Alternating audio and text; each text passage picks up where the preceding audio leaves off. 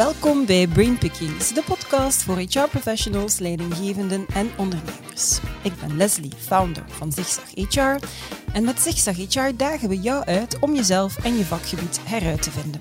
Abonneer je dus zeker op dit YouTube-kanaal of volg ons op jouw favoriete podcast-kanaal.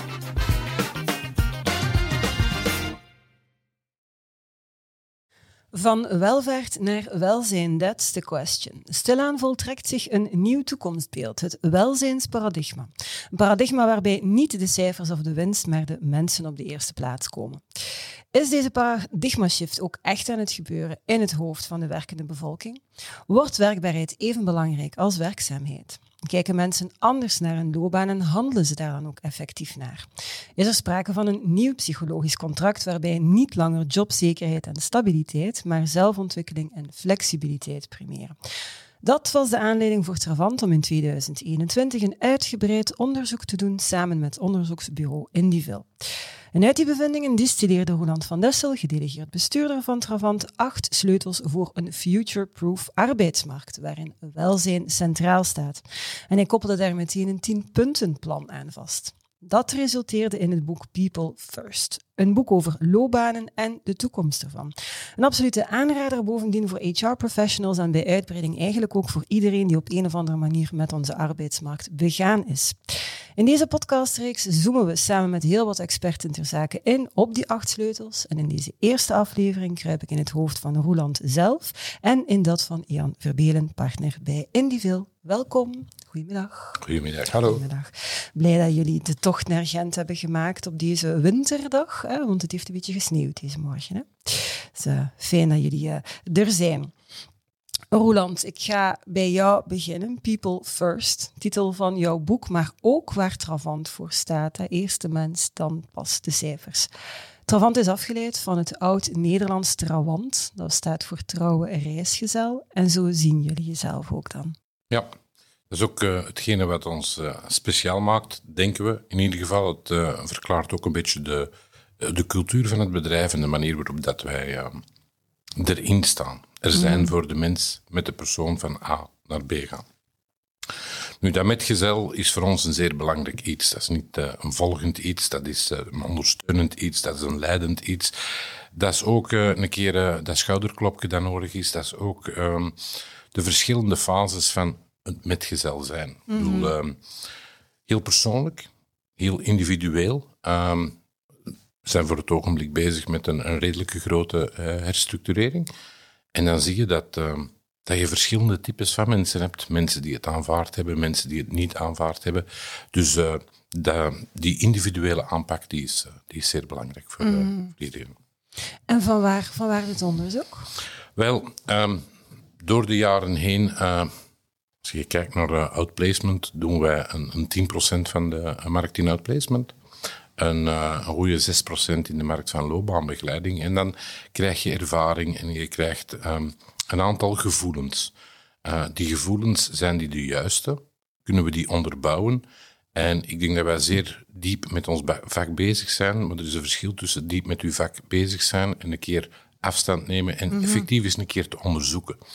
Nu, we hebben allemaal in onze studietijd wel eens een thesis gedaan. We hebben allemaal wel eens een keer uh, een onderzoek geleid. Uh, maar een onderzoek op deze schaal, op die verschillende feiten, daar wouden we ons toch laten bijstaan. Mm -hmm. En dankzij Jan hebben we dat uh, heel duidelijk kunnen doen. Omdat het items, de items die je vindt in um, de dagdagelijkse behandeling, zijn die juist? Nemen we al die mensen op hun individuele manier, op de juiste manier mhm. binnen? En wat kunnen we overdragen aan de mensen? En welke zijn een aantal uh, items die uit dat onderzoek komen, zodanig dat we voor de toekomst net iets meer in een aantal andere stappen kunnen nemen? Ja. Oké. Okay. Um, Jan, jij bent socioloog en onderzoeker bij het onderzoeksbureau Indivil. Dat is een spin-off hè, van de KU Leuven, gespecialiseerd in het inzichtelijk maken van de steeds veranderende samenleving. En volgens jou kadert die shift van welvaart naar welzijn in een, in een nog veel bredere beweging. Ja, dat klopt. Ehm, maar misschien dat ik even begin met te zeggen welke geweldige match er is geweest tussen ons onderzoeksbureau Indivil en het, mm -hmm. bedrijf Travant. Uh, het was eigenlijk onmiddellijk duidelijk toen Roland uh, samen met Luc de Keizer uh, met die vraag afkwam naar ons, dat dat een vraag was met een hoge maatschappelijke relevantie. Mm. Recht in ons DNA, waar we bedreven en gedreven in zijn. Dus we hebben dat ook met twee handen vastgepakt en met veel plezier gedaan. Het was een mooie samenwerking. En we merkten dat we goed matchten qua DNA, Travant mm. en Indivil, omdat we beide eigenlijk de mens en de maatschappij centraal stellen in ons denken, in ons handelen. En dat we op, op zoek gaan naar inzichten. Mm Eerder dan dat bijvoorbeeld we gaan procenten rondstrooien, gaan we wel op zoek naar waarom dan de dieperliggende vraag die ontstaat, zoals Roland net heeft uitgelegd, vanuit de praktijk, de echte mhm. bedrijfspraktijk van de core business die ze doen, komen een aantal vragen naar boven, zien ze tendensen, willen ze zeker zijn dat die ja, goed opgepikt worden en willen ze die gaan aftoetsen. Dus dat mhm. is geweldig dat wij dat hebben kunnen doen. En we hebben dat ook met plezier gedaan. Nu, die grotere beweging waar je het over hebt, uh, dat gaat eigenlijk over een algemenere evolutie in waarden en normen. Je zou denken, loopbaankeuzes, dat is eigenlijk zeer individueel, gebaseerd op je eigen waarden, je eigen normen. Maar in feite is dat zeer maatschappelijk gestuurd, is dat mhm. collectief gestuurd. Omdat je een collectieve evolutie hebt in waarden en normenkaders, die jou in staat stellen om precies die vragen te stellen waar jij van denkt, is dit nu nog relevant voor mij of niet mhm. relevant voor mij? Dus die samenhang, en mensen zien dat natuurlijk niet in het dagelijkse leven, daarom is dat grotere plaatje nodig. Ja, ja. Die is heel sturend, die sociale collectieve evolutie. Ik ga een aantal voorbeelden mhm. geven buiten de de, de, gebieden van arbeid en loopbaanbegeleiding, is eigenlijk een stijgend uh, ethisch bewustzijn in de maatschappij. Dus het collectieve bewustzijn evolueert, de waarden en normen die daarmee gepaard gaan, die zijn altijd in evolutie. Ik ben cultuursocioloog, mhm. dus dat is eigenlijk ook een beetje de core van waar ik altijd mee bezig ben, of eerst naar ga kijken. Uh, de productie van goederen, laat ons kijken naar voedselconsumptie. Mhm ja, dat is denk ik voor iedereen al heel duidelijk een tijd dat daar een grote evolutie in zit. Een ethisch bewustzijn, veganisme stijgt, vegetarisme stijgt. We zien het ook in de consumptie van kledij bijvoorbeeld. In andere onderzoeken buiten dan het topic van arbeid merken we dat we toetsen dat ook heel expliciet of dat dat een evolutie is voor sommige opdrachtgevers. Mhm. En uiteindelijk evolueren dus collectieve waardekaders en die sturen je individuele verwachtingen ook. En het moet meer steek houden als het gaat over loopbanen. Er mhm. moet meer een fit zijn tussen wat je zelf zinvol vindt en wat een werkgever aanbiedt. En dat is meteen ook een beetje de essentie van de evolutie. Die gaat naar meer zingeving, ja. evolutie. Zingevingselementen worden heel belangrijk. Uh, en autonomie wordt belangrijk. Ja. En in een bepaalde mate is er ook een grotere zoektocht naar verbinding in de maatschappij. Ja. Oké, heel, uh, heel helder nu. De onderzoeksvraag was, kunnen we een verschuiving van de welvaartsparadigma naar een welzijnsparadigma vaststellen bij de werkende bevolking? Ja, in welke mate mogen we dan ook concluderen dat dit ook effectief het geval is? En wat waren misschien zo'n aantal uh, high-level verrassende resultaten uit dat onderzoek? Ja, je ziet dat die shift zich aan het voltrekken is. Dus mhm. de, de vraag is, uh, is relevant, maar het is geen statische vraag. En het is ook mhm. geen statisch antwoord.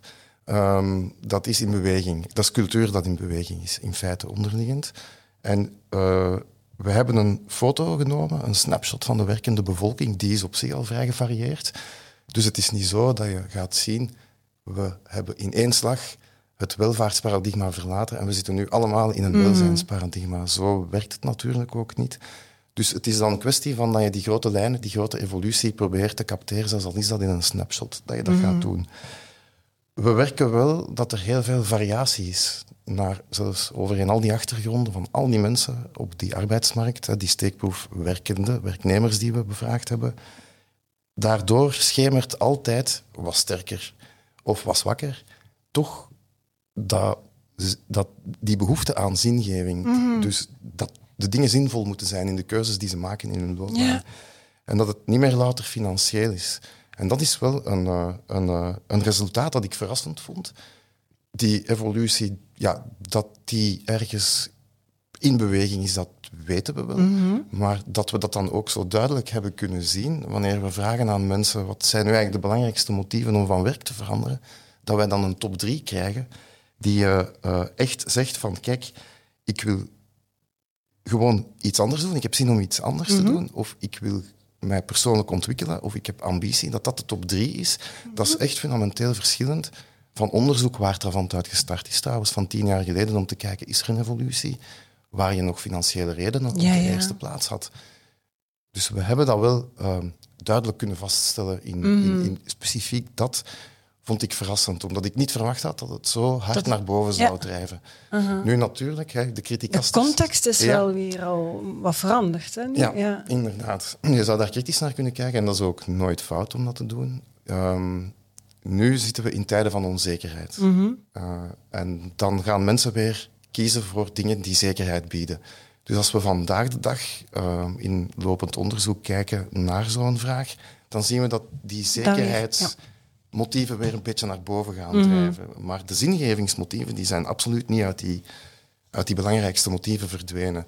Dat is een tijdelijk effect, denk ik. Ja. We hebben het onderzoek ook gedaan net, eh, laten we zeggen, op het einde van de corona-crisis. hè. Dus ehm, wat we daaraan effecten ook zien, eh, heel breed, als ik over de onderzoeken van Indivil kijk die we doen, ja, dan is het wel dat mensen in een soort van reflectieperiode zijn Ja. gegaan. En dat ze eigenlijk ja, heel veel dingen in vraag gesteld hebben, waaronder de zinvolheid van hun arbeid de deconnectie die ze hebben ervaren met al de lockdowns. Wat betekent dat voor mijn werk? Wat betekent dat voor mijn gezin? Dus we zitten hè, met twee contexten. Dat is altijd belangrijk. Hè. Je gaat gegevens verzamelen bij mensen. Je moet die altijd in een maatschappelijke context kunnen interpreteren. Maar nog eens, doorheen al die variëteit en al die contexten zie je wel naar boven komen dat die zingevingselementen Ja. echt aanwezig zijn. Oké. Ehm, nu, Roland, jullie hebben eigenlijk eh, twee klanten, de bedrijven als, als opdrachtgever voor outplacement, loopbaanbegeleiding. En ze starten dat op voor hun medewerkers en dan anderzijds de medewerkers zelf die dat project doorlopen. Ik wil heel graag inzoomen op die medewerkers dan. Daar kan je eigenlijk drie groepen onderscheiden als we kijken naar een algemene jobtevredenheid, bevlogenheid, work-life balance, inzetbaarheid en zo verder. Ehm, en dat waren de meerwaardezoekers, de veiligheidszoekers en de evenwichtszoekers. Ik ben eigenlijk heel benieuwd in welke mate je elk van die drie groepen het meest over de vloer krijgt bij Travant. En misschien ook ja, wat die groepen dan typeert. Ja, in eerste plaats, eh, eh, het is niet omdat je tot één groep hoort dat je niet kan ontslagen worden. Of dat je geen ontslag neemt. Bedoel, Uiteindelijk, ehm, als je kijkt naar de loopbaanbegeleiding of eh, outplacement, is het vaak zo dat het een economische reden heeft. En dat de, eh, onze klanten zijn de, uiteindelijk de mensen die in zo, eh, zulke begeleiding komen, ehm, kunnen eigenlijk in alle drie horen. Hè. Maar wat zie je wel, en terugkomend op de, hetgeen wat Jan juist zei, het evolutieve. Ik bedoel, ja, na de COVID, mensen hadden heel veel thuis gezeten, hadden heel veel digitaal eh, gewerkt. Bepaalde digitale moeheid ook. We kunnen eigenlijk niet meer achter met een pc thuis zitten. Uiteindelijk, en, dit lijkt eh, triviaal, eh, energiecrisis, in één keer iedereen terug naar het werk. Dus wij zien in alle variëteiten iets. Het is niet omdat je een meerwaardezoeker bent die ongelooflijk bevlogen en heel goed is. Als er morgen een herstructurering is van het bedrijf, zijn er heel veel goede mensen die ontslagen worden. Dus vaak is eh, ontslag of loopbaanbegeleiding het gevolg van een situatie Ja. die vaak een situatie is die extern aan het individu is. Ehm, dus ja, die veiligheidszoekers zijn net iets meer ehm, bevreesd, want die zoeken eigenlijk, die hun veiligheid valt weg. Ja. Die meerwaardezoekers vaak heel enthousiast van oké, dit is een opportuniteit om.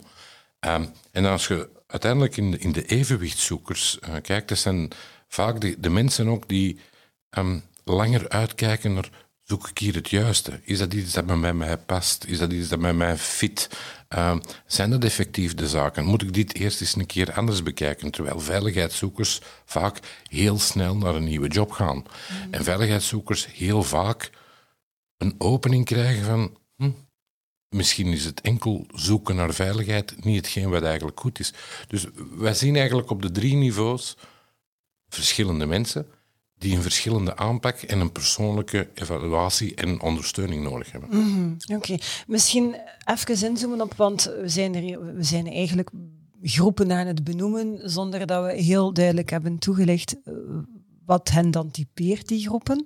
Ik heb ook al begrepen dat je niet noodzakelijk in één groep zit of in één hokje zit, maar dat je misschien bepaalde kenmerken van één groep wat meer in jou gaat hebben. Mag ik het zo? Ik ga het woord aan jou Ja, geven. Jan. zeker. Licht eens toe. Graag, met plezier. Dat is natuurlijk het resultaat van een datagedreven analyse, Ja. hè, waarin dat wij eigenlijk gaan kijken naar de mindset van mensen. Te, te, zeggen wat je daar net vermeld hebt. Hè. Hoe bevlogen zijn mensen? Ja. Hoe zit de work-life balance in elkaar? En een aantal andere attitudes die we daarin hebben Mhm. opgenomen. Dus we gaan eigenlijk op groepsniveau kijken. Hoe ziet die arbeidsmarkt eruit als we wat wij noemen een segmentatie gaan Ja. doen van die werknemers op vlak van die jobattitudes? Dat doet onrecht af aan de individuele situatie Ja. van iemand. Hè. Dus dat is eigenlijk per definitie een collectieve, een geaggregeerde blik, om het zo uit te drukken, die wij, die wij gaan... Dat is wat we doen met sociale wetenschappen heel vaak. Hè. Ehm, dus dat is zeer juist dat we daar niet mogen uit concluderen dat iemand, omdat je bijvoorbeeld een lage bevlogenheid kent, daarom geen meerwaarde kan zoeken. of zo. Dat is niet wat er aan de hand is. Het is eigenlijk de systematiek Ja. op macroniveau die zich afspeelt op de arbeidsmarkt die wij gecapteerd hebben. Maar die is bruikbaar, denk ik. Ehm, als je gaat kijken meerwaardezoekers, daar zie je dan toch wel een sociale gelaagdheid in, hè, in die drie groepen. Dat is wat we wouden naar boven krijgen. Die attitudes, die drie groepen, die zijn eigenlijk gerelateerd aan verschillende soorten achtergronden, sociale gelaagdheden.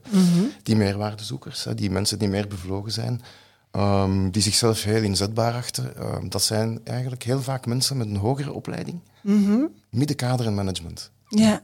Die zitten ook heel vaak in de oriëntatie van zelfontwikkeling en van zingeving. Veel Ja. meer dan die andere groepen. Dan. Die zitten dan meer aan het stuur van de loopbaan, mag ik dat zo?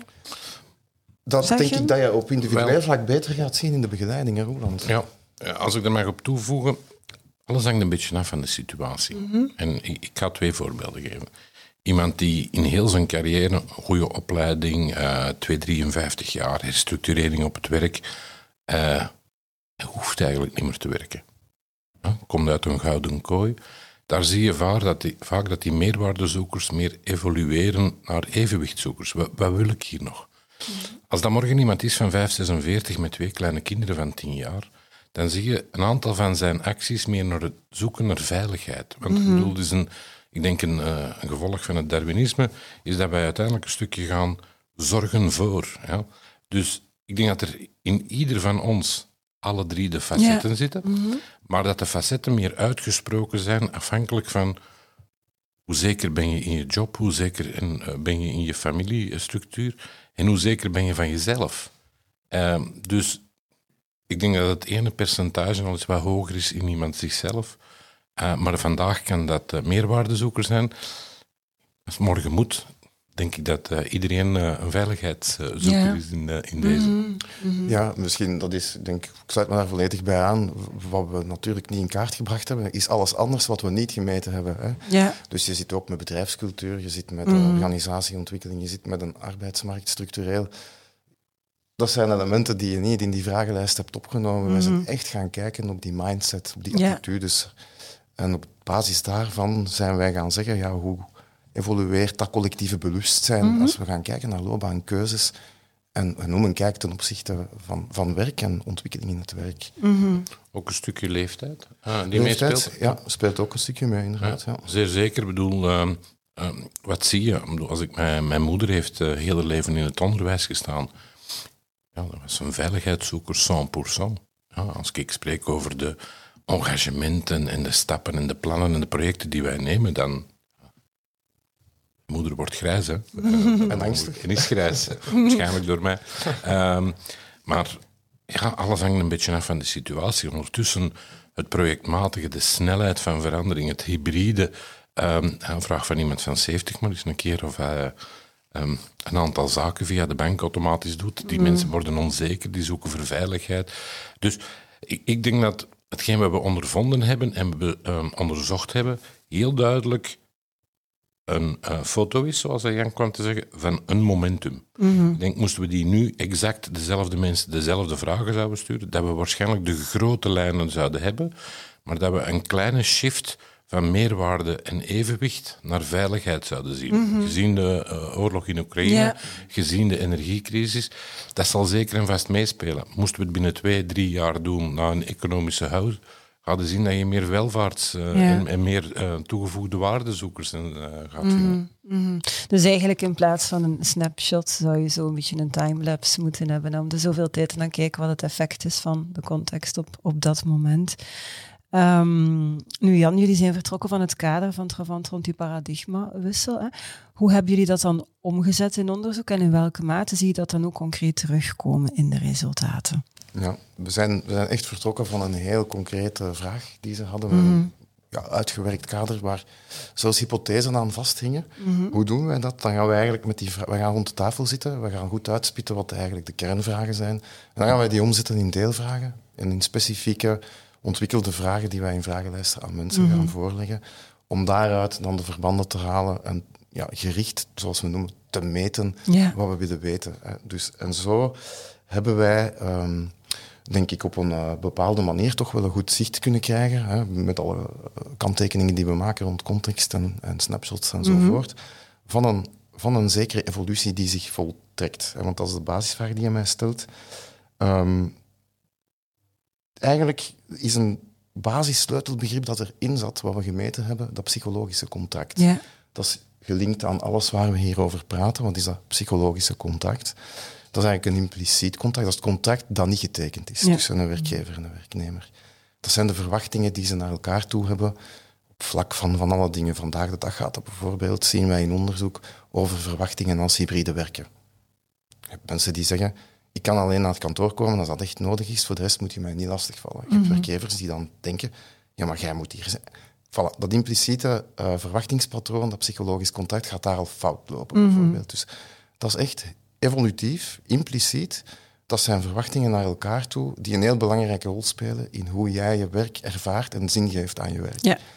Dus dat is een heel uh, belangrijk sleutelbegrip. En men maakt daar een onderscheid tussen dat um, oude psychologische mhm. contract, de traditionele opvattingen, die dan eerder gelinkt zijn aan dat welvaartsparadigma, die meer gaan over inderdaad eh, een langere loopbaan, een vaste structuur, um, prestaties, loyaliteit met een werkgever. Mm en dan nieuwe psychologische contact, dat gaat meer naar ik wil kansen op ontwikkeling, ik wil een zinvolle job hebben, ik wil een maakbaarheid in mijn loopbaan ervaren. Dat zijn eigenlijk de dingen hè, waar we al de hele tijd over praten, maar in mhm. één concept gevat.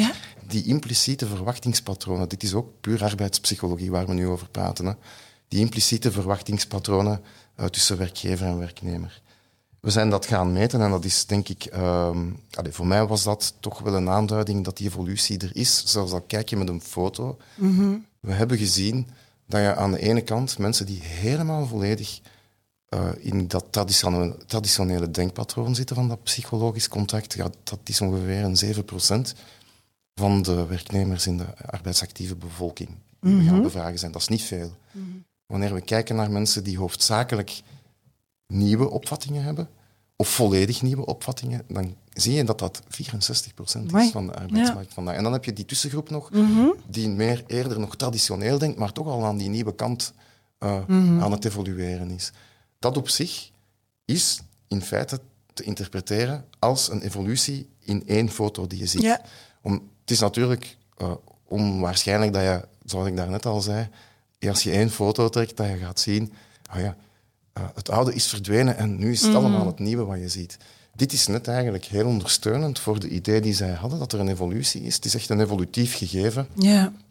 En je ziet in de verdeling dat de oriëntatie, oriëntatie naar het nieuwe echt aanwezig is, heel aanwezig is. Dus, en ik vind dat eigenlijk uh, een, uh, een, een, mooi begrip om mee te werken, een mooi concept. Dat is ook heel tastbaar. Als je daar mhm. vragen over gaat stellen, dan kan je ook aan mensen zeggen van ja, wat, wat vind jij belangrijk in een job? En dan geef je elementen die nieuw zijn, of en elementen die traditioneel zijn. En op basis daarvan zijn we dan dus, ja, de samenhang gaan meten met allerhande andere dingen.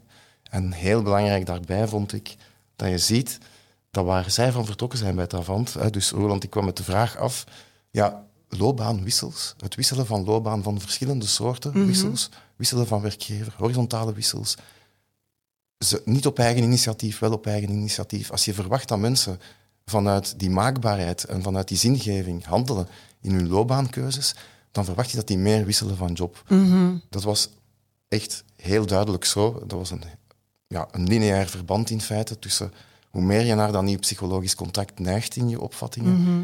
hoe meer jobwissels dat je achter de rug hebt. En dat ook gestandaardiseerd voor leeftijd trouwens. Dus dat is een effect dat heel duidelijk aanwezig is. En dat was voor mij het belangrijkste bewijs dat zij heel goed hebben aangevoeld Ja. hoe de evolutie in elkaar En dat dat nu inderdaad ook ondersteund wordt Ja. door dat onderzoek in die foto, in, in eh, Ja. wat dat je benoemt. Hè? Ja, De foto van de evolutie. ja de foto van de evolutie. Ja. Ik denk dat zo inderdaad mooi eh, omschreven is. Als ik mag toevoegen, als we terugkijken naar de beginvraag, vanuit onze activiteit, zijn de coaching, loopbaanbegeleiding, outplacement, wouden wij ook een stukje meten waar gaan we naartoe. Want vanzelfsprekend ligt voor de hand dat gezien de snelheid van verandering, gezien de snelheid van de verschillende revoluties, gezien ehm, het projectmatige eh, werken, weet je dat er meer functies en meer jobs per persoon zullen zijn. Terug naar mijn moeder grijp, ene werkgever voor de, al heel haar leven. Als je kijkt naar mensen van tussen de 35 en 45, verschillende. Sommige vier, sommige zes, sommige acht werkgevers. Oké, wat wil dat zeggen? Binnen 10, binnen 20, binnen 25 jaar. Dat gecombineerd, we worden regelma- regelmatig eh, door de overheid, maar ook door de eh, instanties zoals VDAB, Forum en Actiris gevraagd om mee te denken aan hoe- gaan wij om met die verandering? Hoe gaan wij nu eh, de mensen helpen en bijstaan? Want eh 30 jaar geleden we geven een opleiding, punt gedaan. Nu, eh, gelukkig eh, heeft het een klein beetje resultaat gehad. Want als je nu naar de nieuwe jobdeal kijkt en naar de nieuwe ehm, wetgeving rond de opleiding en het aantal dagen dat iemand opleiding moet volgen, is er een combinatie naar coaching. Waarom? Een opleiding geven, is goed om een talent bij te hebben. Maar wat gaat het ermee doen? Ja. Dat vraagt een stukje coaching. Dus de combinatie van die twee grote vakken hebben ons eigenlijk aangezet van oei, dan moeten wij ook voorbereid zijn als bedrijf dat coaching, loopbaanbegeleiding en outplacement geeft. Want eh, outplacement 20 jaar geleden was er van job A naar job B. Nu is het van punt A naar punt B. En die weg is totaal verschillend. Ja, ja. Mhm, zeer zeker. Nu, om, eh, om de podcast af te sluiten, eh, Roland, als, als we dat nu zo horen, hè, hoe, dat het eigenlijk in de mindset aan het veranderen is, of al veranderd is, wat zou dan jouw advies zijn naar HR-professionals en leidinggevenden, als die mensen daar dan echt zo aan het veranderen zijn qua gedachtegoed, hoe ga je daar dan op de meest effectieve manier mee aan de slag? Wordt commercieel door de bocht, lees het boek. Eh, Dat gaan ze sowieso doen. Maar daarnaast. Eh, Goed, daarnaast. Nee, in het boek hebben wij getracht van een, ehm, een aantal sleutels aan te reiken. Dat zijn geen lopers. Eh, niet elk slot heeft een bepaalde sleutel, maar er zijn wel een aantal sleutels waar we verder op gegaan zijn. Dus dat is één ding. We geven een tiental mogelijke actiepunten, maar ik denk, als ik het in één lijn moet zeggen, is dat de gedachte van People First, en ik neem nu eh, de titel van het boek terug, ehm, in heel het proces gaande van aanwerving tot doorstroom, tot opleiding, tot uitstroom, op welk niveau ook. Als men de mensen op de eerste plaats zet, met een bepaalde verantwoordelijkheid, maar ook ethische verantwoordelijkheid, dan denk ik dat er heel veel eh, kan gebeuren. Uit de studie kwam ook heel duidelijk dat mensen vragen om eerlijk, te ehm, om eerlijk behandeld te worden. Ja. Mensen zijn niet dom. Mensen weten dat een bedrijf evolutief is. Vandaag veel mensen, morgen weinig mensen. Sommige dingen worden geautomatiseerd, sommige dingen worden niet geautomatiseerd. Zolang je daar heel open en eerlijk en transparant over communiceert en de nodige verantwoordelijkheden neemt, denk ik dat alles kan. Oké, dus eh, een heel heldere boodschap voor HR. Eigenlijk twee, hè, want ze moeten ook het boek lezen. We gaan in ieder geval een samenvatting van deze podcast maken, ook in ons, eh, in ons magazine van uh, Zigzag HR en op de website ook de sleutels nog een keer een stukje aanraken. En we gaan er de volgende episodes uiteraard uitgebreid op inzoomen. Hartelijk bedankt voor deze ja, eerste, laat ons zeggen, contextzettende podcast. Heel verhelderend. Hartelijk bedankt daarvoor. Dank je. Dank je wel. Voilà, bedankt ook uh, aan jullie om te kijken of om te luisteren. Volgende maand gaan we dus inzoomen op één van die acht sleutels voor een future-proof arbeidsmarkt. En ik mag dan in het hoofd kruipen van Fons Leroy. We gaan het hebben over diversiteit. Hoe inclusief is onze arbeidsmarkt eigenlijk? Natuurlijk iets wat jij voor geen geld ter wereld wil missen. Abonneer je dus zeker op dit YouTube-kanaal of volg ons via jouw favoriete podcast-app. En als je de boodschap nog niet begrepen zou hebben, lees het boek People First uiteraard. Allerbelangrijkste waar we elke podcast mee afsluiten. It's a great time to be in HR. Tot de volgende.